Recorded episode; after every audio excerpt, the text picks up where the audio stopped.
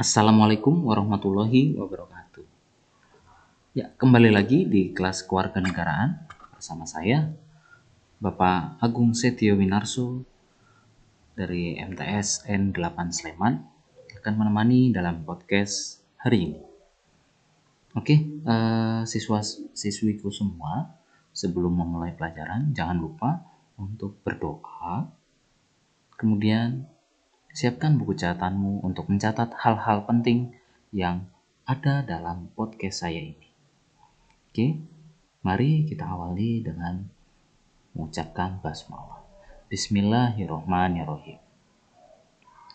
Oke, uh, materi hari ini kita akan membicarakan tentang kedudukan dan fungsi Undang-Undang Dasar Negara Republik Indonesia tahun 1945. Nah, di kelas 7 itu kalian itu sudah mempelajari bagaimana UUD 1945 disusun dan ditetapkan. Nah, hari ini kita akan mempelajari bahwa UUD 1945 bagi sebuah negara itu sangatlah penting bagi Indonesia ya. Karena Undang-Undang Dasar pada awalnya itu lahir untuk membatasi kekuasaan raja yang pada waktu itu berkuasa sewenang-wenang. Jadi, Undang-undang dasar itu diperlukan untuk mengatur hak dan kewajiban penguasa untuk memerintah, serta hak dan kewajiban rakyat yang diperintah. Undang-undang dasar itu diperlukan untuk mengatur jalannya pemerintahan. Jika suatu negara tidak memiliki undang-undang dasar, dapat dipastikan akan terjadi penindasan terhadap hak asasi manusia.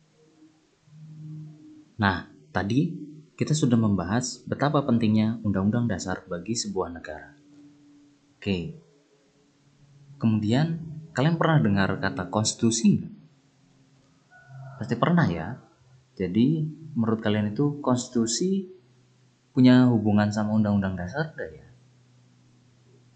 Nah, pasti kalian juga pernah dengar dong ada yang namanya Mahkamah Konstitusi. Jadi apa sih konstitu konstitusi itu?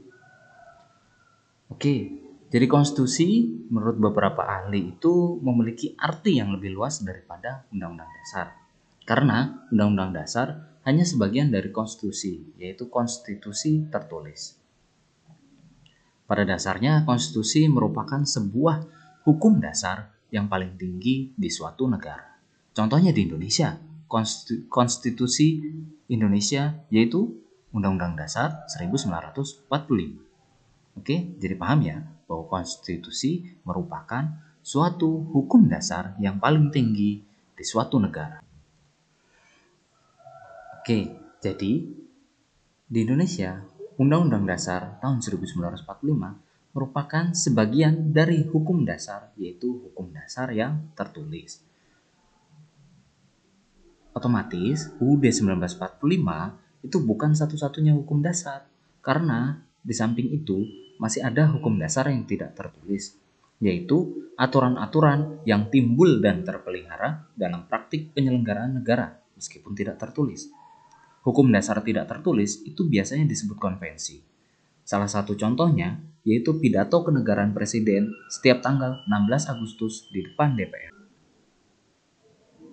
Namun, perlu kita ingat bahwa negara kita itu menganut prinsip bahwa konvensi tidak dibenarkan apabila bertentangan dengan UUD 1945. Jadi konvensi biasanya merupakan aturan-aturan pelengkap atau pengisi kekosongan yang timbul dari praktek penyelenggaraan ketatanegaraan.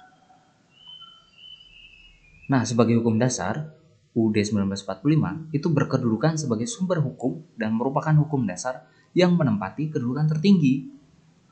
Dalam kedudukannya sebagai sumber hukum yang tertinggi, maka setiap peraturan perundang-undangan di bawah UUD 1945 itu harus berlandaskan dan bersumber pada UUD 1945. Maka dari itu, UUD 1945 memiliki fungsi sebagai alat kontrol. Alat mengecek apakah norma hukum yang lebih rendah yang berlaku itu sudah sesuai atau bertentangan dengan ketentuan UUD 1945 sebagai hukum dasar tertinggi. Perlu diingat, hierarki tata urutan perundang-undangan di Indonesia saat ini berdasar pada Undang-Undang Nomor 12 Tahun 2011 yang menjadikan bahwa Undang-Undang Dasar 1945 sebagai hukum dasar tertinggi, kemudian di bawahnya ada ketetapan MPR. Di bawahnya lagi ada undang-undang atau peraturan pemerintah pengganti undang-undang. Kemudian ada peraturan pemerintah, selanjutnya peraturan presiden, dan yang terakhir peraturan daerah, baik yang dikeluarkan oleh provinsi atau kabupaten dan kota. Jadi itu urutan perundang-undangan menurut Undang-Undang Nomor 12 Tahun 2011. Setelah sebelumnya kita membahas tentang salah satu fungsi Undang-Undang Dasar 1945 yaitu sebagai alat kontrol, perlu diketahui bahwa UUD 1945 itu memiliki tiga fungsi utama, yaitu sebagai alat kontrol, kemudian sebagai pengatur, dan sebagai penentu. Itu tiga fungsi utama UUD 1945. Yang pertama, sebagai alat kontrol, bahwa apakah hukum yang lebih rendah itu sudah sesuai atau tidak dengan norma hukum yang lebih tinggi. Lalu, fungsi sebagai pengatur, yaitu maksudnya bahwa UUD 1945 itu berperan sebagai pengatur bagaimana kekuasaan negara itu disusun, dibagi, dan dilaksanakan. Nah, yang terakhir, fungsi penentu yaitu berfungsi sebagai menentukan hak dan kewajiban negara, aparat negara, dan kita sebagai warga negara. Setelah selesai membahas kedudukan dan fungsi UUD 1945, maka kita akan membahas bagaimana melaksanakan dan mempertahankan UUD 1945. Oke, jadi bagaimana melaksanakan UUD 1945? Kita bisa melaksanakannya yaitu dalam lingkungan keluarga, lingkungan sekolah, di lingkungan masyarakat, lingkungan pekerjaan, lingkungan internasional, khususnya dalam media sosial, di internet. Jadi, pertama kita bisa mengakui dan mengamalkan isi dari Undang-Undang Dasar 1945 kemudian berpartisipasi dalam perkembangan negara. Tentunya hal-hal yang positif ya. Selanjutnya, kita bisa berjuang untuk hak dan menuntaskan kewajiban. Tentunya kewajiban kalian sebagai pelajar dan hak kalian sebagai pelajar. Lalu kita mengikuti dan menghormati keputusan dan aturan yang dikeluarkan oleh pemerintah. Kemudian ada menjaga persatuan dan hubungan baik antar warga negara, serta menjaga nama baik dan senantiasa berprestasi mengharumkan Indonesia. Jadi kurang lebih seperti itu bagaimana cara melaksanakan dan mempertahankan Undang-Undang Dasar 1945. Oke, sekian untuk kelas kewarganegaraan saya. Bila ada pertanyaan, kalian bisa sampaikan uh, melalui grup kelas gitu atau dalam kelas e-learning saya itu kalian bisa mem, uh, membuat posting di forum.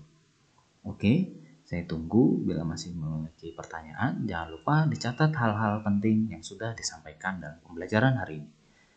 Sekian dari saya, semoga kalian sehat terus. Jangan lupa rajin-rajin cuci tangan dan selalu pakai masker baik di lingkungan keluarga maupun saat kalian keluar rumah. Assalamualaikum warahmatullahi wabarakatuh.